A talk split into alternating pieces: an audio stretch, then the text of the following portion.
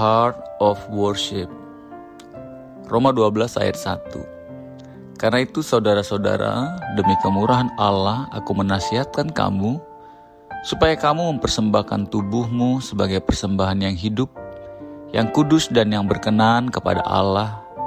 Itu adalah ibadahmu yang sejati. Menikmati suasana dan musik pada saat ibadah adalah sesuatu yang baik. Namun, jika hal itu menjadi satu-satunya yang kita rindukan, maka kita berada dalam bahaya karena kita kehilangan makna utama dari suatu penyembahan. Apakah ibadah kita lebih dimotivasi untuk kesenangan kita sendiri atau untuk kemuliaan Allah? Ibadah kita haruslah secara sadar dan sengaja diarahkan kepada Allah karena itu, ketika kita datang kepada Tuhan dalam saat-saat teduh pribadi kita, ataupun ketika kita beribadah, biarlah kita datang dengan membawa hati yang haus dan lapar untuk bertemu dengan Tuhan, hati yang merindukan Tuhan.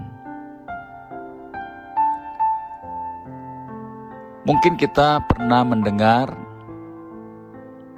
kisah tentang terciptanya lagu Heart of Worship. Gereja Soul Survival di Watford, Inggris menyumbang banyak lagu rohani baru dan berpengaruh di dunia melalui band rohani mereka. Namun gembala gereja tersebut merasakan ada sesuatu yang kurang dalam penyembahan mereka. Kemudian sang gembala gereja mengambil langkah yang berani ia menyingkirkan semua alat musik dan sound system dari gereja mereka. Ia meminta semua anggota jemaat untuk menyanyikan lagu-lagu penyembahan dengan suara mereka sendiri.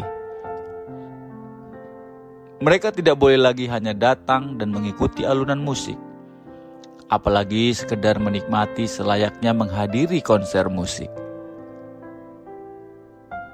Awalnya sulit bagi jemaat untuk melakukannya tetapi pada akhirnya mereka dapat menyanyi dengan sungguh-sungguh dari hati mereka dan berjumpa dengan Allah.